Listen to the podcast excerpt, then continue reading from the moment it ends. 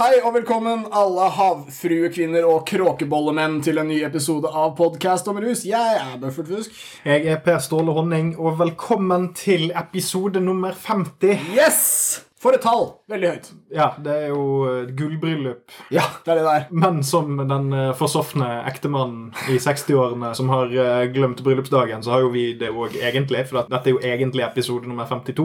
To, ja. ja. Ja, Men det står jo i stil til hele opplegget vårt her sånn generelt. Det er At bare vi to, bare eller? Ja, to to. Vi får skyld på Sturla Haugsgjerd og Ole Martin Moen, som insisterte på å ha spesialepisode. Ja, det gjør vi. Selvfølgelig. Jeg vet ikke om de insisterte på det. Bare ta kontakt med dem på sosiale medier og fortell dem hva dere syns om at kronologien ble fucket opp.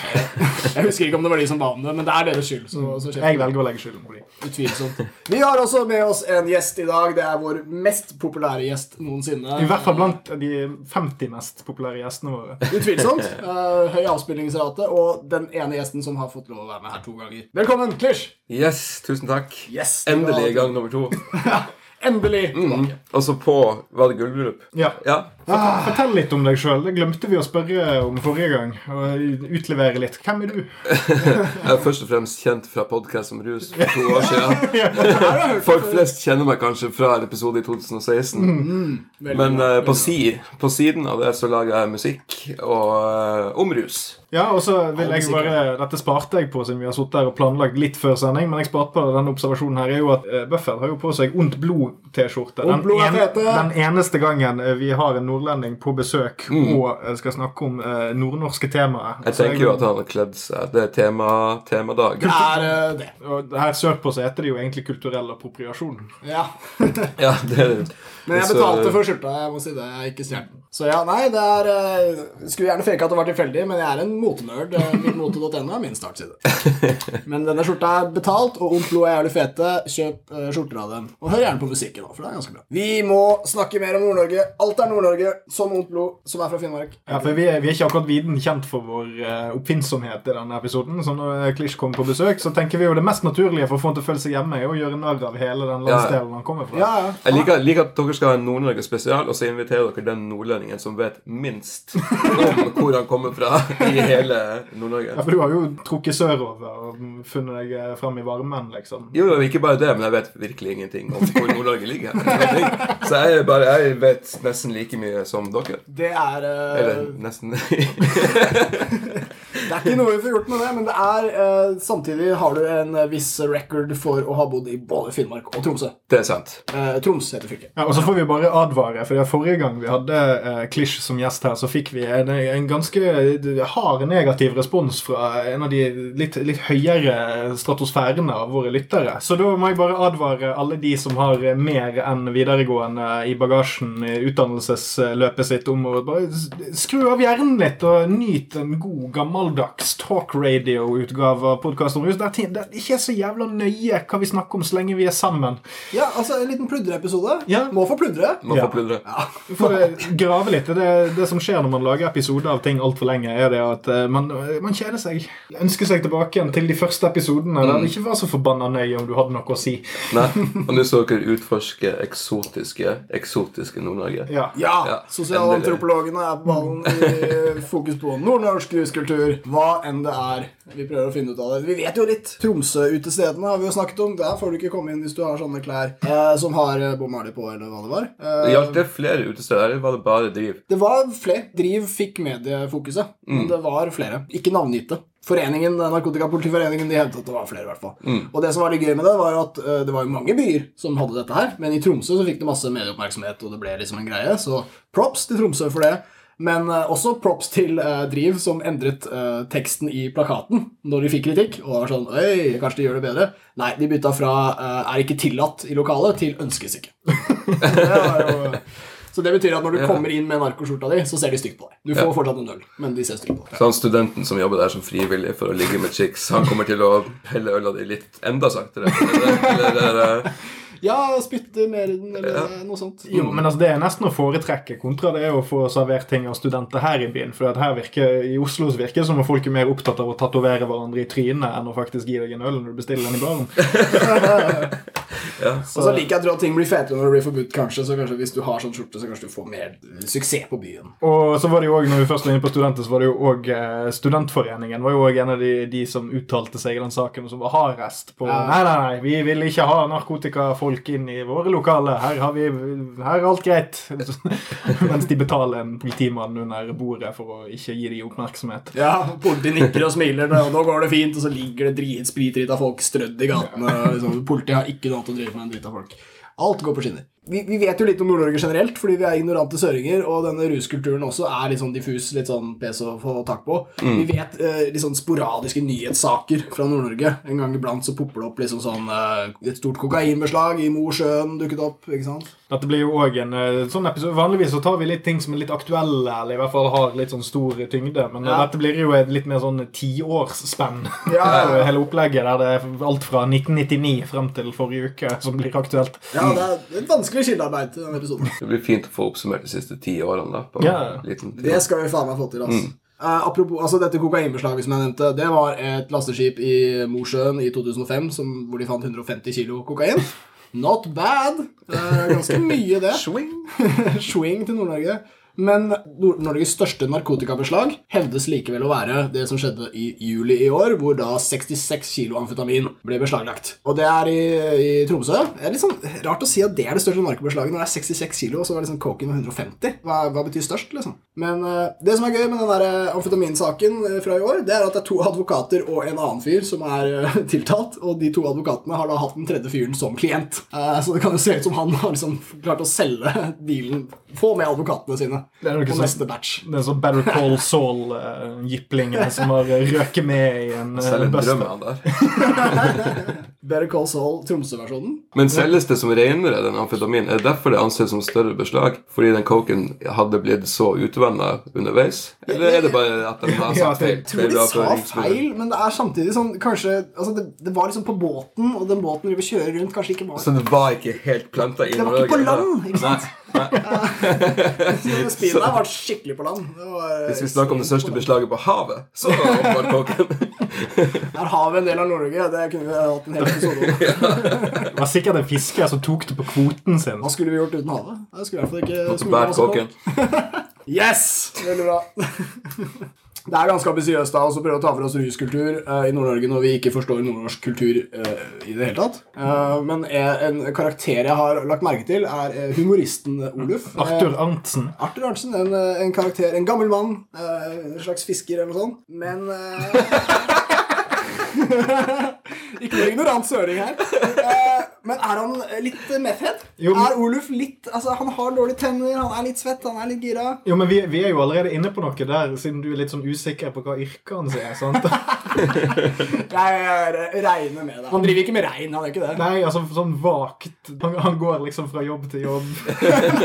Båt til båt. Ja, det, det er jo flere sånne hjemme hos-reportasjer hos Oluf der det er fiskegarn på veggen, men man får aldri helt vite om det er estetiske eller yrkesmessige årsaker. Til og med Nord-Norge. Jeg vet at Oluf er fisker. Nei, jeg mener dette seriøst. Jeg, vi, altså, vi vet jo ikke om det er nød, eller om det er Nei, for all del, det er mye bra estetikk i det, i det faget. er mye, mye Mye bra estetikk. Garn, Flere eksempler. De små kulene som er på Peppes. Fiskeboller, hvit saus. Masse. Alt med det vakkert. Båten er fin. Ja. Jo, men altså Gå, gå tilbake igjen til dette med tennene. sant? For Ja. han er jo svart i kjeften. Ja. Og Oluf er jo en karakter fra litt uh, svunne tider. Sant? F før uh, brusautomatene gjorde sitt inntog. Mm. Så hva er det han gjør som liksom har fucket opp tennene hans så mye? Altså, Mm, dette var, altså, han, startet, han er jo en gammel jubb. Han her Ansen, så den figuren her er jo startet jo på 60-70-tallet eller noe Mm. sånt. Hva er det han eter som fucker opp tennene så jævlig? Det er jo stort sett bare fisk og poteter. Men Doesn't add up. Doesn't make sense. hva var det de gjorde på den tida som var dårlig for tenner generelt? Hva- Ja, er det, det er jo meth som er første Ja, meth står jo, står jo og, og høyt oppe. Blir fort speeden, ja. Mm, blir fort speeden. Fordi vi har inntrykk av at uh, speed i Nord-Norge det er litt sånn frokost for alle. Typ. Ja. Altså, det er vanlig. Jeg tror det det, er, tror det er sånn. Og det har vi Ja. gjort i årevis. Men blir tennene svarte av det nødvendigvis? Nei, det, det, Det blir jo bare slitt i små, små stumper. Små barnetenner til slutt. Kan hende de har en egen sånn speed som eh, Nei, jeg har ikke sett det før. Jeg har ikke det. Sterkeste. Den blir svart i munnen. Men jeg er redd for å tråkke på nordnorske tær. Altså. Jeg, jeg forstår ikke. Det, det kan være en sånn greie de har der oppe. Ja, men det blir jo en knapp episode hvis du skal være redd for å tråkke på Ja, tær det er- hver gang vi snakker om det er tenner. Jeg har allerede tråkka. Tærne er flate. Det Vi har lagt oss ut med politiet og narkobaroner, men det er når vi skal begynne å ta den nordnorske kulturinstitusjonen Oluf, at vi virkelig Da Jeg skjelver i buksa. Det er, det er mye Det er så bra, for jeg, glem, jeg glemmer om Oluf hele tida, men eneste gangen jeg blir minnet på det, det er med folk fra sørlige strøk. Nei, men det, det, har vel sikkert noe med at det var gamle karer som fikk eh, tilgang på NRK sin, eh, sin sendeplan først. Så det har tatt en stund. Det er jo først nå de siste ti årene det har kommet litt sånn god kultureksport eller Klisj og Ondt blod og sånt som mm. får, eh, får litt eksponering eh, sørpå. Så eh, når NRK åpnet sine første filialer nordpå, så er Det jo det var ikke aktuelt å spille klisj på 70-tallet. nei, nå, nå kommer Arthur Hansen inn og sier ja, hva, hva har du å tilby? Så nei, jeg har noe rask i en koffert her. Jeg kan ikke lage noe stygge tennene og har en rar, har en rar hatt. en slags rar hatt. Ja. Men det er uh, et av mange uttrykk for, for mystikken der oppe. Jeg, jeg lurer på hvordan det er jeg, i Nord-Norge med, med rus uh, Altså kulturen, da. Men markedet i det hele tatt. Altså, når du er på vidda, så ser du deg rundt, og så ser du lite. Det, er, det er lite trær og lite altså, Hvis ikke det er snø, det er det mye av. Bakke er det mye av. Eh, Er det noe drugs? Altså, det Sånn som i Oslo, er det cannabis overalt. Er det cannabis på, på vidda? Har du, du hørt noe om det? Aldri hørt om det akkurat på vidda. Nei. Men vet jo om de rus... Uh, altså, jeg ser for meg at det er en veldig psykisk syk fyr med masse tilgang på speed og hasj og, og valium, som er sånn ytterst i bygda. Ja, du må kjøre et lite stykke unna. Der, er, der holder han til. Ja. Og så han er sånn en sånn i hver bygd som, alt, som har peiling på alt. Ja, han fikser alt. Som, som bilstereotype, liksom. Men som du må grave litt for å finne. Men så er det jo miljøet der. Hva er liksom, Hvor mye må det være for at det er et miljø? Ja, nei, Eller eh, Fordi jeg vet jo hver gang jeg er og spiller på sånne plasser, så får Ikke for å tyste meg sjøl ut, men man får jo alltid tilbud om masse Ja, drugs, og får jo alltid masse drugs slengt etter meg. Fet skryting. Sånn er det å være artist. Ja, ikke at jeg trenger det, men eh, det er jo Men det, det må komme fra en plass, da. Ja, det er kultur. Det er allerede en kultur. De har nok til å kaste det eh, opp til artisten, og de syns det er kult. Det er kultur. Nei, for det, det der er jo en ting man stusser veldig fort på når man Punkt én, når man snakker med folk som reiser litt rundt eh, i, ulike kulturarrangementsoppdrag, som det du gjør, Klish, og, og når man ikke tilbringer så mye tid nord for Trondheim, så er det spesielt altså, fordi at Hvis du opptrer nordpå, så kan jeg godt tenke meg at det er det som skjer den helgen. Altså hvis du konserter og sånt. Det kan være. Vi er jo på mange sånne småplasser, så da Ja. ja, så da, da, det er ikke bare fans, det er folk som har lyst til å bare komme seg ut og lufte vettet ditt. Mm. Og da får du jo òg denne miksen som eh, vi snakker om eh, mye her, med at da kommer alle. altså, Da kommer de her eh, karene fra bygden ved siden av, og mm. han, han speedfreakeren som har opplegget klart. ja. Så det var kanskje en sånn hotspot. Det er jo ikke så rart at politiet er skeptisk der oppe. Det er jo, Å sette ut én spanergruppe, så har du jo tatt hele gjengen eh, for neste året. Ja, men det er det jeg lurer på. Hvordan, for de må jo klare seg ganske mye uten å bli tatt. Og det er jo det, hvis du er på en bygd, og så er du han, han fyren som holder på med det Altså hvor Du skal være bra hemmelig agent for å klare å skjule at det er du som sitter på all den speeden. Det er ganske trolig at Kanskje det er lensmannen. Ja. Ja, ja, det er det, altså. Og så er det eh, Et inntrykk jeg har, er jo at uh, altså, Det kan hende at nordlendinger tenker på narkotika Altså, Nå snakker jeg den gjengse ikke-narkotikabrukende nordlending. Tenker kanskje på det som sånn uh, søringgreie eller noe sånt. Og, og det vil vi ikke ha her oppe i nord. Jeg har en uh, litt sånn slekt, litt inngifta slekt i Nord-Norge. Og det var en episode der hvor de hadde sett noen folk nede på kaia som drev og liksom luska rundt. Mm. hadde- Fiskere. Nei, det var det det ikke var. Og, De og så har jo oversikt over hvem som fisker. Gått en gang gått til konklusjonen det er noe narkotikaskitt. Det er narkodeal nede på havna. Det var? Det var geocaching. Eh, folk som går rundt og leter etter sånne random pakker som har blitt lagt ut fordi de har GPS-greier. Det er sånn lek de har på internett. Men eh, jeg syns det var så fascinerende at de gikk for liksom, Det er narko! De folka på kaia, de bare går rundt der. Narko, liksom. Men så var det bare er nerd. Men nesten ikke noe drugs. Så var det bare nerder. Ja, totally nerds. og igjen, men, men vi gikk dit. Det er narko, faen meg vekk. Og de har eh, fakkeltog mot narkotika i Nord-Norge ennå. Oh. Det er det ikke Det er ikke så vanlig ved Sør-Norge lenger. De er jo glad glad i å ta vare på kulturen nordpå, da, så det er jo bra at fakkeltoget blir vernet. Og vi fant jo en, en NRK-sak fra 2013 om uh, fakkeltog i uh, Det var i én kommune, men de hadde slått kommunene sammen. eller noe sånt. Uh, det var litt vanskelig å forstå. Det ble 600 mennesker til sammen når de slo kommunene sammen. Og da var det Det her var altså Nesseby og Tana bru. takk. Rolig fra sida. Veldig bra, for det hadde jeg glemt. For de som er ekstra ivrige lyttere, kan du eventuelt sjekke ut NRK-saken. Den er helt vill. Det snakker om utallige ungdommer som gikk i et fakkeltog. De har ikke fakler, de har stearinlys. Og det er totally mulig å telle dem. Det er ikke, det er ikke så mange. Du, du tar de to ungdomsskolene i området, og så slår du sammen elevtallet, og så regner du med at det er færre enn de. Altså, som sagt, begge kommunene, hele tallet slått sammen, 600. Eh, Så, så det kan telles. Mellom 5 og 200 ungdommer. Og i denne utrolig sympatiske mediesaken, som er veldig dårlig skrevet også, så, så sies det fra forbipasserende at dette er jo fantastisk at det er et fakkeltog med narkotika, som i Oslo og Trondheim. så bare, ok. Uh, Tenk at vi har noe sånt her oppe, typ. Uh, Og så var det også i uh, artikkelen påpekt at eh, politibetjenten eh, ved det lokale lensmannskontoret hun hadde jo også en jeg siterer, en tilsynelatende uproblematisk dobbeltrolle. Hun var, hun var også leder for Lions, eh, som jobber mot narkotika, og er en fucking frimurerlosje. Men eh, tilsynelatende uproblematisk, som ja. journalisten skrev. Ingen problemer. Null Utallige, utallige dobbeltverv. Så hun var rørt av engasjementet. ikke sant? Så Hvem bryr seg om alle folk har samme hatter på, masse maktproblemer, alle er korrupte? Hvem bryr seg? Det er jo så fint å se. Men jeg hadde helt seriøst glemt uh, at fakkeltog fantes. Til jeg kom hit i dag.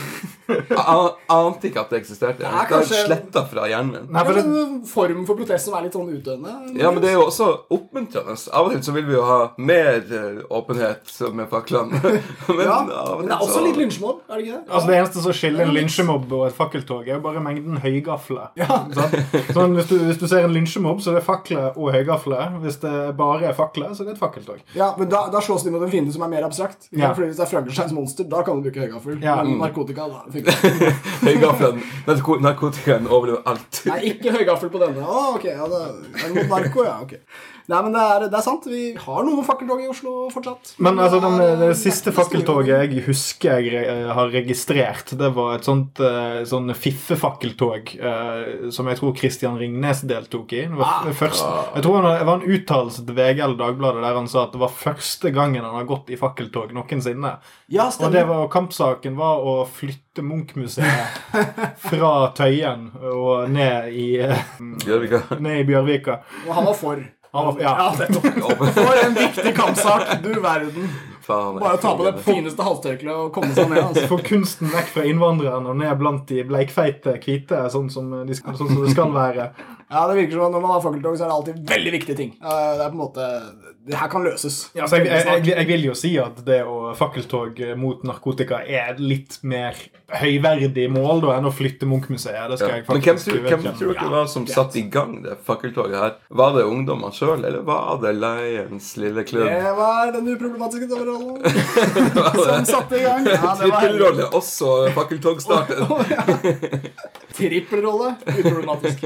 Ja, for det, la, la oss bare prøve å unravele dette litt. Grann. Se, se for dere dette scenarioet her. Altså, det fins noen ungdomsskoler rundt i disse småkommunene, og så kommer det en representant og, fra Lions som banker på hos, eh, hos rektor og sier hei, eh, jeg vil gjerne ha et tog mot narkotika. Hva sier rektor da? Sånn, sånn, Nei, det er litt mye styr.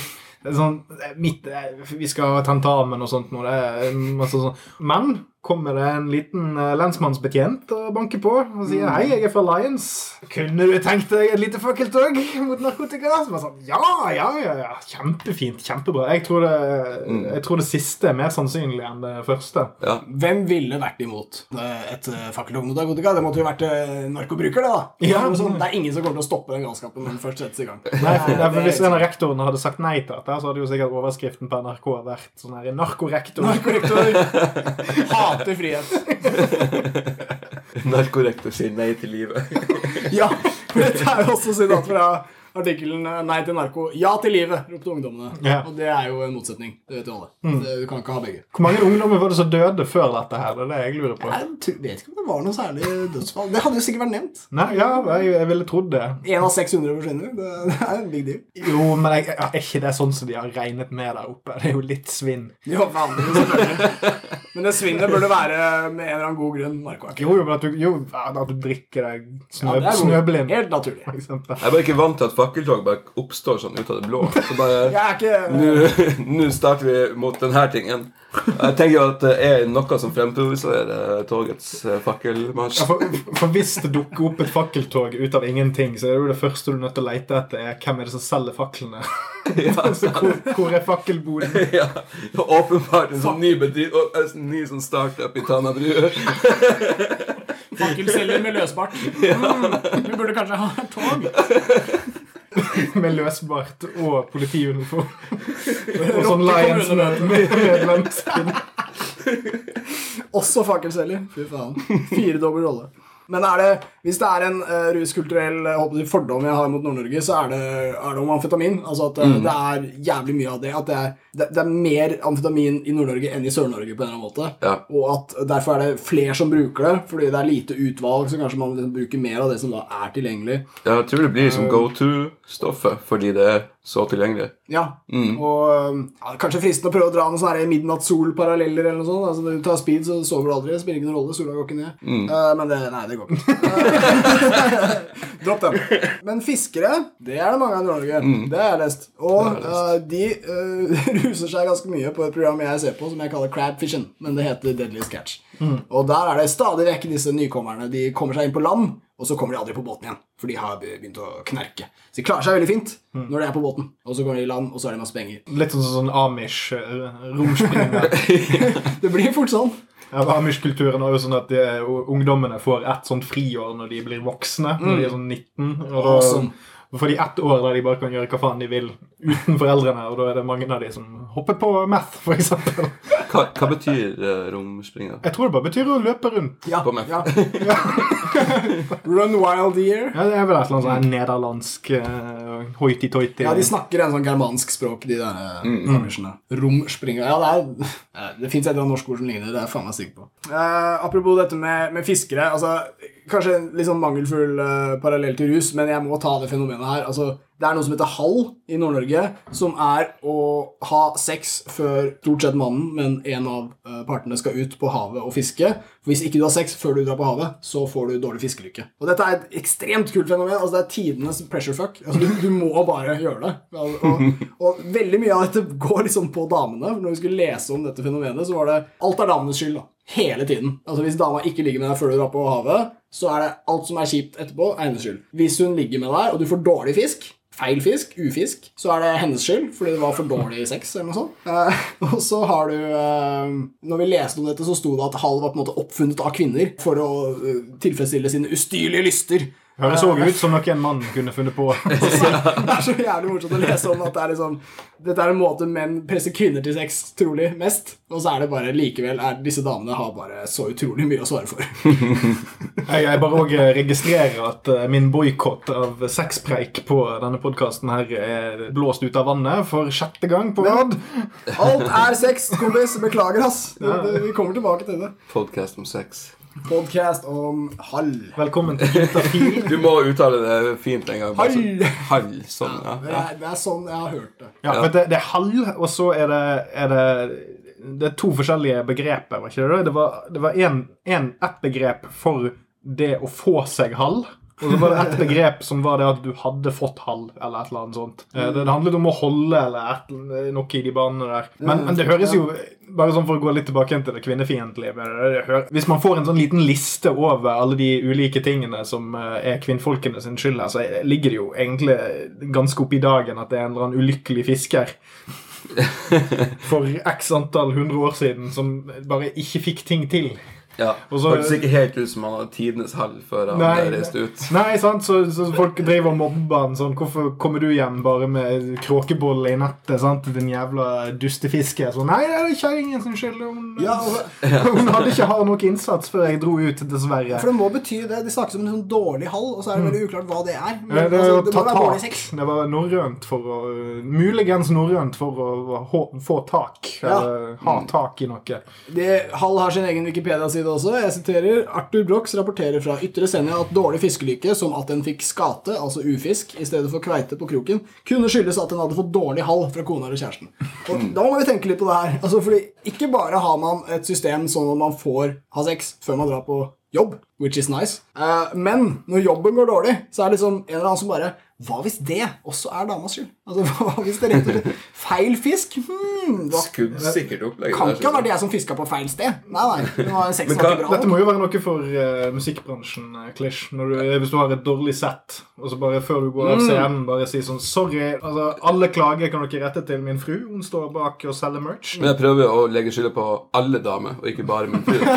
Sånn at det er kvinner har generelt litt mer- er problemet her, åpenbart. Ja, ja, men det Nå er det litt mer egalitært Ja. kvinnehat. kvinnehatt. Ja, sant. Skal ikke si det er nordnorsk tradisjon, men jeg ser noen eh, spor.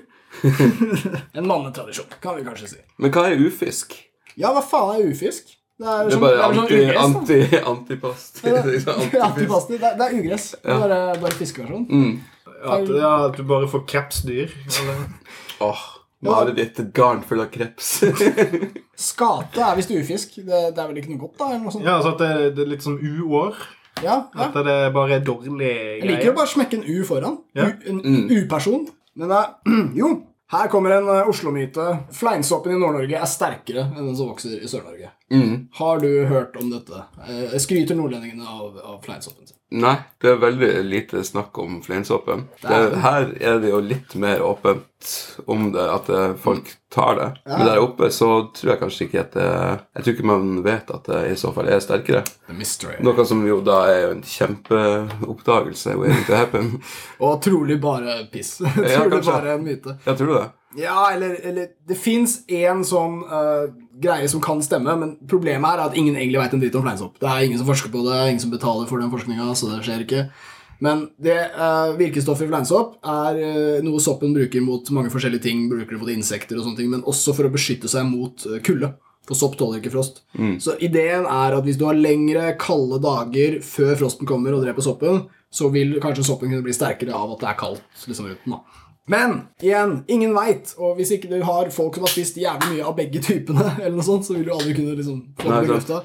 Jeg har min vage kilde er en gammel Natt og Dag-tekst skrevet av eh, Tore Andevig. Hvor han var med i Sentrumsløpet, en legendarisk Gonzo-reportasje hvor han beskriver den fryktelige fascismen i dette friskusløpet eh, mens han er på amfetamin og fleinsopp. Eh, Som kanskje kunne kalles en nordnorsk kombo. Uh, Nå er jeg frekk igjen, men jeg gjør det. Jeg går det. I og med at vi nå i dette programmet her bare egentlig finner opp våre egne ideer om hvordan Nord-Norge burde ha en ruskultur. Men, men, men ja, jeg måtte bare få med at Tore Andrik sa at han hadde jo spist alt av flein. Alt av flein var dette. Og den var veldig, veldig sterk. Ja, Alta, Altaflein. Ja. Ja.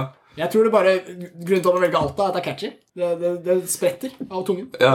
Men du vet at alle bedrifter i Alta heter Alt A, også apostrof som Alt av. uh, ah, ja. Alta klær. En alt av by leker. med et Alta. eget ordspill. Ja, ja. Wow. Alle filmer heter det. Alta Alta rens. Alta speed. Alta podcast. Det kommer. det kommer. Ja, vi har eh, sikkert en eller to lyttere i Finnmark. Det er derfor vi, vi, er derfor vi går litt hardt ut her, da, for eh, vi har jo tilgang på lytterstatistikk. Og det, er, det begynner å bli ganske glissent når vi begynner å nærme oss eh, sånn Mo i Rana, Troms, Bodø. Det er sånn to-tre karer. Jeg regner med at de tåler Ja, ja, faen, de, de tåler litt. Props til dere for å Mm. ha oppdaget uh, oss, og for å bryte de kulturelle trendene. Og shout-out til han gærningen som sitter i en sånn her tysk småby og hører på oss hver måned. Er det én tysk lytter? Ja, det er en eller to, tror jeg. Sånn Ja. Karl og Fritz, som jeg liker å kalle det.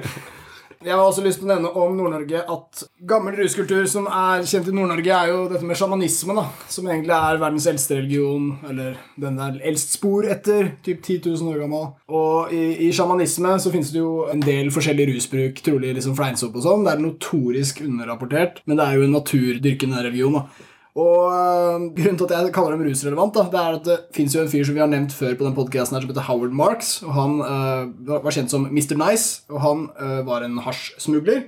Som holdt på i ganske mange år og skrev masse kule bøker og holdt foredrag om det. Og var også i Norge før han døde for noen år siden. Men Howard Marks var uh, i et av sine siste år i Nord-Norge, og det var i Norge. Og han drakk da reinsdyrpiss.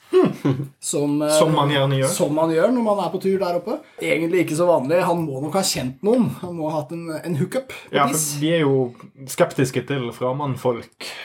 ja, jeg tror ikke det bare er å gå og liksom plukke det første pisset du ser. Eh, Nei, i hvert fall, Du kommer ikke så tett på det første beste reinsdyret du ramler over. Eller? Nei, og, og her er det mye morsomt, altså, fordi visstnok så er det en, viss kultur også med å liksom selektere det. da. Altså, det som er greia, grunnen til at man kan bli rusa, for det blir man, av reinsdyrpiss, i hvert fall for Harry Marks, eh, det er at de spiser, eh, reinsdyrene spiser rød fluesopp. Rød fluesopp er ikke så bra for mennesker å spise fersk, men det tåler reinsdyr veldig bra.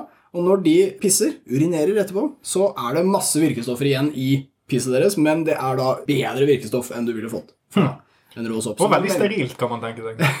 ja, visstnok eh, skal det jo være det. Og, men det som er interessant her, altså, sjamanisme er ikke en ruskultur. Det er veldig omstridt hvor mye de driver med det. Religiøs praksis, kan man vel kalle det. Ja, sakrament, ikke sant. Og, men de, uh, det, det finnes utrolig mange morsomme myter rundt den der fluesoppen og sjamanisme. At det liksom alt med julenissen er knytta til det. Flyvende reinsdyr. Eh, livets tre, de flyr til toppen av det. Dette er en del av sjamanismen. Eh, Han, hans røde og hvite farger er det skal være fra det. Men det har mer med kokain å gjøre med Fordi det er jo Coca-Cola som er grunnen til at julenissen er rød. Veldig vi kan vel heller si at fluesopp er grunnen til at Coca-Cola er rød. Å, Oi! Det er en brannfakkel i Coca-Cola-historikerdiskusjonen. For alle som liker absurd fluesoppteori, så kan jeg også anbefale boka 'Jesus was a mushroom', hvor, man, hvor en teolog faktisk hevder at det er den tolkningen som er eh, undervurdert i Bibelen. Egentlig var det ikke en menneske, det var en eh, sopp, en fluesopp, som de spiste i ritualer. Og all visdommen til Jesus er egentlig fra soppen. da. Hvordan korsfestet de soppen? Eh, nei, det, der er det masse metaforer, da, sikkert. Eh, Spør ikke meg, Astud. Det var bare romerne som overreagerte. Ja, Kanskje en grunn til at de, ikke, de andre teologene ikke digga den boka. At han hopper bukk over sånn som korsfestelsen og sånn. Men jo, Howard Marks var i Nord-Norge og drakk reinsdyrpiss og beskrev det som den beste rusopplevelsen han noensinne hadde hatt. Og dette er en fyr som tross alt har hatt en del. Det er jævlig fascinerende, men fins det noe kultur for dette her? Er det noen kids som driver med reinsdyrpiss? Det lurer jeg på. Jeg tror ikke det, men Aldri hørt om det. Men, men grunnen til at det er, man tar det gjennom pisset, er fordi menneskekroppen sannsynligvis blir ganske sjuk av å Ja. spise den soppen. Ja, du, du, man må eh, tørke den, også, men, men også da kan det være vanskelig. Så det er visst en veldig bra versjon. Ja, men det er sånn der ny leversvikt-oppskrift.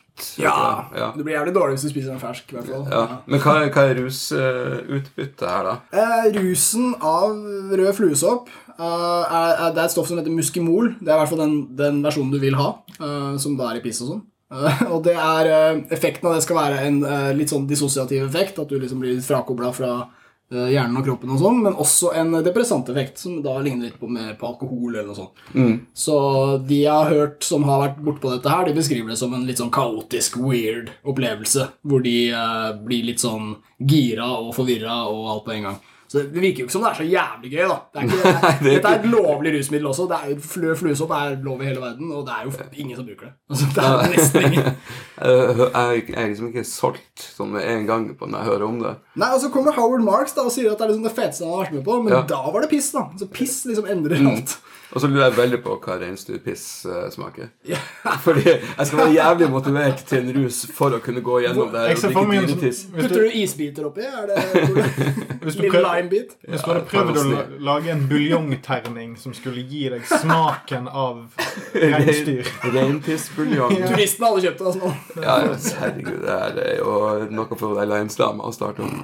For gründere på Finnmarksvidden så Mm. må du jo Dette er jo en easy-peasy eh, et easy-peasy nytt marked å break Ja, ja. into. Altså, har du fire-fem rein og en god fluesoppspott, så kan du jo bare gjete de inn der og så følge veldig nøye med når de skal gjøre sitt fornødne. Ja. Så har du jo fort noe du kan lure på en eller annen fyr på kroen. Og Marx fortalte også om dette at eh, de, de samler inn urinen ved å liksom følge med på det- den gode reinen. da. Når den reinen har spist den soppen, så liksom går du etter, står der med en jævla kopp eller fat. eller sånn. så Idet den begynner å pisse, så må du være kjapp. Må liksom samle opp. Du har ikke noen bleie eller et eller annet som samler opp. Du må være på Du kan, hugget. men du kan jo tjore de fast og så feste en trakt bak der. Altså, det, Da begynner det å bli business. Ja, altså, Hvis du, hvis du får til det. altså jeg, jeg, jeg, bare, jeg bare bemerker meg at dette trenger ikke å være så komplisert Nei, som det høres ut som det var for han Max. Og så er det Skal vi ta oss et halvår og bare se hva vi får til? Skrive av på skatten når du bor Ja, klart det. Drar opp og starter bedrift. Elsker de. Når det handler om å tjene penger og narkotika, bla, bla, bla, så er det, det er ulovlig. Derfor gjør vi det ikke. Men det her er lovlig. Så hva faen skjer da? Hvorfor kan ikke bare ha en liten pissebedrift? Oh, eh, Problemet er vel er ikke noen lover og regler for eh, at det bare er samer som har lov til å eie rein? Ja, så er det vel noe med det å misbruke dyr med å stappe trakt opp i Nei, Kanskje det. Nei, Jeg det, tror det- det har blitt lov, det nå. Altså, Hvis du eier reinen, så unnskyld men vi, vi har jo noen behornede eh, fe i landet som kalles eh, kyr. Ah. Og Ja, de er det jo fullt lovlig å feste sånne sugekopper på og utnytte morsmelken til, og sånn at du kan få det i eh, kartong i er kjøleskapet. Nå kan ikke jeg forestille meg at det skal være noe mindre humant å feste en trakt på et reinsdyr. Ja, Jeg hadde helt glemt melk. Ja, det, den, Det det brutale tar selvkritikk, altså. Jeg begynte med dyrevelferd oppi det her. Melk er brutalt. Er melking et unntak fra dyrevelferdsloven? Melkens rus. Melk må være greit. Ja, Pluss det at jeg tror også reinsdyr også er unntatt en del sånn dyrevelferdslover. Det, er det, er det har nå vært noen saker om sånne gamle, tradisjonelle slaktemetoder og litt sånn. Ja, jeg bare ser på deg og håper at du skal nikke og anerkjenne Nord-Norge, alibiet vårt. Blar blar gjennom arkivet i hjernen min. Jeg kan ikke si jeg husker noe om akkurat reinsdyrslakting. Nei.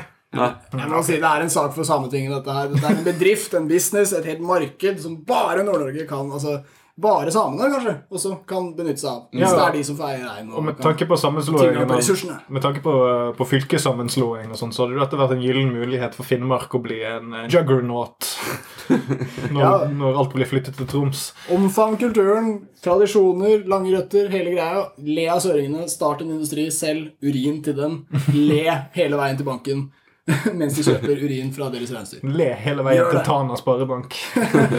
Som blir rikere og rikere pga. dette. Det kommer til å skje. Hvis jeg får vilja mi. Men la oss gå, la oss gå litt tilbake til denne sjamanismen. Fordi, okay, ok, for på, Er det noe som helst sånn link til religiøs praksis altså, Har dette med reinsdyrpiss vært brukt til en eller annen slags type spirituell reise, eller er det bare noe som har dukket opp? Det er, altså, Så vidt jeg kjenner håper si, data fra, fra forskninga på dette, her, så er det veldig lite som er knyttet til uh, ritualene når det kommer til rus. De har jævlig mye crazy mytologi, og mye av Dette er jo det som jeg kjenner fordi jeg har sjekka ut det som er Og mye, mye crazy mykologi.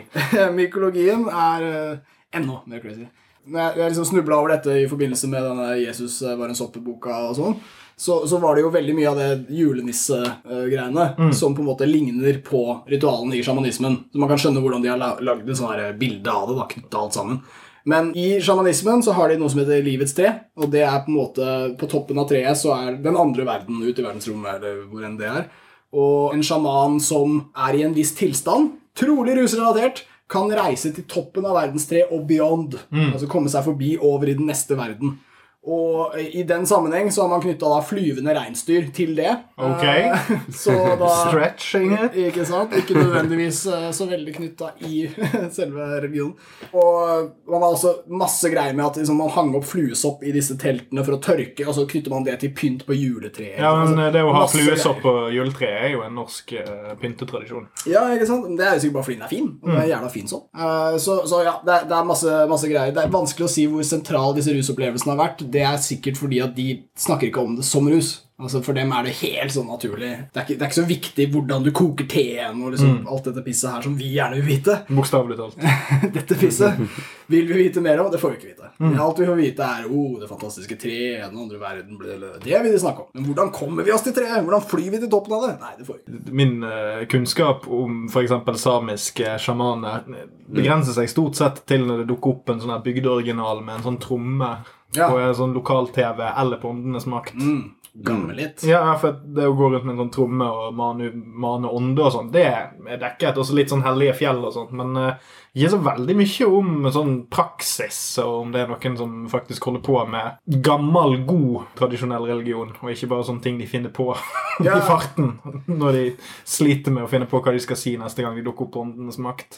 Det som er litt kult med, med sjamanisme, er at det er såpass gammel religion, livssyn greie, og likevel så er det er ikke noen gud der. Altså, Guden er naturen. ikke sant? Så det er en hel sånn Og det er egentlig veldig likt naturalisme, som er en sånn fransk oppfinnelse fra 1500-tallet. som kommer way after. Uh, naturen er så jævlig fett at det holder. Det kan liksom dekke alle våre behov. Ja, for, det har sjamanistene drevet med ganske lenge. Ja, for det er, jo ikke en, det er jo ikke en sammenknyttet religion på den måten der heller. fordi det er jo mer det at det er et fellesbetegnelse på sånn åndenatur-tilbedning. Ja, og det fins moderne sjamaner som elsker det. Ja, ja, for nordnorske sjamaner har jo fint lite connection med India-sjamaner og Sør-Amerika-sjamaner. Det er jo ikke sånn at de driver og samarbeider spesielt mye. Bortsett fra jo, kanskje urfolks, Ja. urfolksgreien til Sametinget og sånn, kanskje driver med litt kulturutveksling der. Men det er jo ikke sånn at det er en sammenknyttet eh, trosretning der de tenker så veldig mye nøye på hva de gjør i andre deler av verden. Ja, men det, Og så er det masse overlapp med håper sånn norrøne religioner og alt mulig som er liksom gammel urfolk-ting og har med natur å gjøre.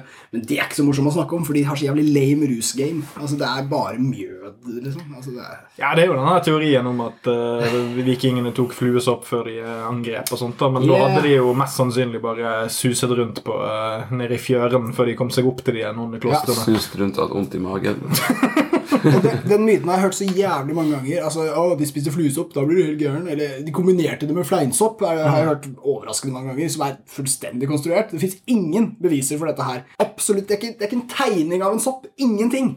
Alt er dratt ut av ræva til en eller annen fyr som håper at dette stemte. Det som ble funnet, var cannabisfrø i Osebergskipet. Men det er det ingen som snakker om. Oi, oi, oi. Så nei, nei, Vi er så innmari hypp på at disse vikingene hadde noen sånne midler som gjorde dem fetere, brutale, et eller annet. Men nei, nei, vi har ikke noe bevis. Ikke et fnugg. Ja, Nå vil jeg heller også tenke at cannabis heller ikke er det optimale battle druggen. Nei, det var trolig hamp. Ja, det var mer sånn tau på skip-opplegg. Vi snakker ikke så mye om hvor utrolig bra taugame vikingene hadde. Satans Det er ikke like romantisk som at de var berserk. Men, men det er et håndfast jævla bevis. Altså, Putta det oppi skipet, ta det med deg til etterlivet, eller hva de nå skulle. med. Miklagar. Miklagar! Nei, det, Miklagar er jo, eh, er jo Konstantinopel. Ja, men i helvete. Hvor, hvor skulle de fra? Men eh, nei, de, de, Hvor er de fra nå? de kom kanskje fra Miklagar. Nei, nei, sånn. Det, det fins mange mer håndfaste, kule ting enn den myten der. ass. Det er veldig romantisk. Og så er det kanskje noe vi nordmenn Vi er veldig glad i å identifisere oss med vikingene. Hvis vi møter utlendinger, så er vi kjappe til å name-droppe den dritten der. Men samtidig så var vikingene helt fucka jævlige. da. De var skikkelig voldelige. Veldig rapey. Veldig ubehagelige for absolutt alle. Og da er det veldig fint at eh, det var fordi de tok den tingen. Det var, de, de, tok, de trykka på gærningknappen, Ja. og så ble de gærne. Og så gikk de hjem, og så var de snille igjen. Ja, men så er det sånn 200 år med, med skipsfart og voldtekt. Og så, så har du bygd en nasjonal identitet. Liksom. Men de tok gærningsstoff. Mm. Derfor. Ja, Klish, nå har jo du sittet her i eh, tre kvarter og hørt på oss eh, fornedre ditt folk og din kultur. Mm. Hvordan føles det? Det føles jo veldig fornærmende. Utrolig rasistisk. Men eh, ellers har det vært fint. Bortsett fra at jeg ble veldig tråkka på og sånt. Men eh, jeg må si det var eh, greit. Jeg hadde forventa mye verre. Jeg hadde forventa nordnorsk dialekt Ja. folk som ikke snakker det. Vi holdt oss unna. Ja, det var bra. Veldig, veldig bra. Bra Ti, ti poeng for det. Og så hadde jeg kanskje forventa mer uh, Nei, det er mest sånn nordnorsk dialekt å bare si sånn der uh, Sånn fisk og sånt. Ja, ja, Det er sånn klassisk. Si fisk, fesk, for det er det ingen som sier. Nei, ikke sant? Det er æ. æ i tillegg. Yes. Ja. Jeg sitter og kniper meg sjøl i låret for å ikke dundre ut med min eh, aller verste Arthur Arntzen som Oluf. Ja. Men uh, det skal jeg faktisk unngå, for jeg jeg har sett eh, Dagfinn Høybråten på eh, den store klassefesten. Det hørtes så ille ut. Det, det kan eh, lytteren gå hjem og google. Fucking helseminister. Ti- For, for, forhenværende helseminister. Ja, ja, Han, han var Oluf på klassefesten. ja, Holy shit. Dette her er old school. Dette her er sånn eh, rundt eh, omtrent samme tid når Valgerd Svarstad Haugland sang eh, 'La det svinge', eller Ja, rock'n'roll'. ja. Legendary. Ja, Omtrent er kanskje til og med det samme sesongen, men eh, det er i hvert fall da eh, Dagfinn Høybråten som ikke lar seg be to ganger om å hive på seg en sånn bjørnefitte og Wow. ja. male tennene sine svarte og være Oluf. Black teeth, det er ikke greit. Nei. Nei, det er ikke greit. Kan, du- kan du gi en liten oppsummering? Du får, du får lov til å ta nordnorsk dialekt. Nei, nei, nei, det, nei, det vet du hva jeg, eh, jeg føler jeg har kommet meg for en gangs skyld kommet meg gjennom en episode av podkast om rus med æren i behold, og da tenker jeg at eh, det skal jeg klare klare meg siste Ja, dørstokk for det var det jeg også la merke til. Jeg tenkte at det, det må vi få gjort noe med. Vi har gjort nok bare ved å nevne Oluf. Vi, Ja, ja. vi har gått for langt. Ja, altså, Jeg kan jo ikke vise meg i Mosjøen lenger. Så Det viser seg at nordlendinger ikke snakker så mye om Oluf. snakker bare om Oluf. Ja, Jævlig skuff. Fakt, Faktisk hadde nordlendingene glemt Oluf hvis det ikke var for søringer som husker Oluf. Ja. Det er alt vi vet om Nord-Norge. Det er Oluf. Yes, Men da nærmer vi oss jo en liten avrusning, gjør ikke vi det? Jo, vi kan ta oss en liten avrusning på nordnorsk eh, dialekt. Nei da. Avrusning! Nei, vi måtte jo i vår pludrete episode rappe opp eh, med Altså snakke om veldig mange småting om det vi vet om nord nordnorsk ruskultur. Eh, vi har vært innom at Tromsø-utestedene har eh, klessensur. Vi nevnte Oluf Opptil flere ganger. opptil flere ganger. Helt uten å si noe om verken han Lars eller om Tore Skoglund eller Oluf, et methhead. Eh, vi lar den henge i lufta. Eh, kokainbeslag i Mosjøen var vi innom. Nord-Norges største narkobeslag. Eh, disse to advokatene. Liten eh, Better Call Saul-vib oppi Tromsø der. Jeg liker at jeg fikk sneke inn Dagfinn Høybråten uten å nevne røykeloven. For eksempel. Ja, rått. For de er veldig sammenhengende. Vi prøvde å forstå litt om ruskulturen med varierende hell. Jeg ser jeg har notert en vits som jeg ikke fikk brukt, og da nevner jeg nå. Hvis man bøffer folk på vidda med falsk pulver i en pose, kanskje man bruker kverna reinhorn. Det var ikke så rart jeg ikke fikk inn den vitsen Nei, det er ikke så rart at du ikke fikk han inn, for den var jo min. Ja, men Det står på arket! Ja, bra. Samme den. Du skal kreditere, kreditere kildene dine. Jeg husker det som meg. Uh, minnet mitt er sikkert. Vi vet ikke om fleinsoppen er sterkere der oppe, men det hevdes. Fakkeltog mot narkotika har de også hatt for bare fem år siden, men kanskje er fakkeltog på vei ut generelt? Oss, ja, og la oss prøve å erstatte det med høygaffeltog. Høygaffeltog. Bare høygaffeltog. Jeg liker gaffeltog i forhold til fakkeltog. Vi først skal gå rundt med en liten dings. Og så måtte vi jo innom speed, som er vår store fordom om Nord-Norge. Alle de, de, har, de har så mye speed. Det er alt de driver med. Speed og speed. Eh, og Snøscooterkjøring. Snøscooterkjøring. Det er også noe man gjør når man Og reinsdyr, som vi var inne på, faktisk. Det, Vi gjorde det. Vi snakket om hall. Vi snakket om det, sosiale fenomenet som egentlig bare handler om å tyne damer for sex. Which is uh, strong tradition. Liker- Hashtag shark2.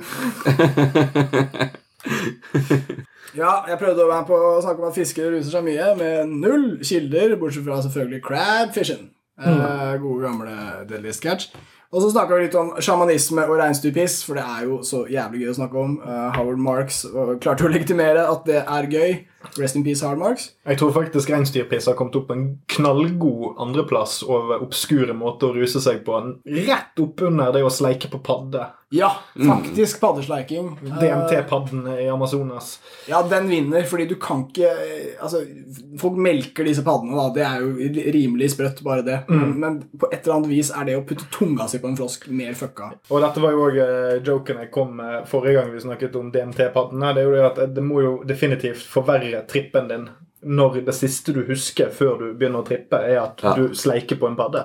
Og så tar du med deg paddesynet inn i, Ja, i turen din. Opplevelsen med liksom tunga på den greier og smak og eh, sikkert eh, noe greier. Og så når du kommer ut av det, så sitter padden på, på brystkassen din og ser dømmene på deg.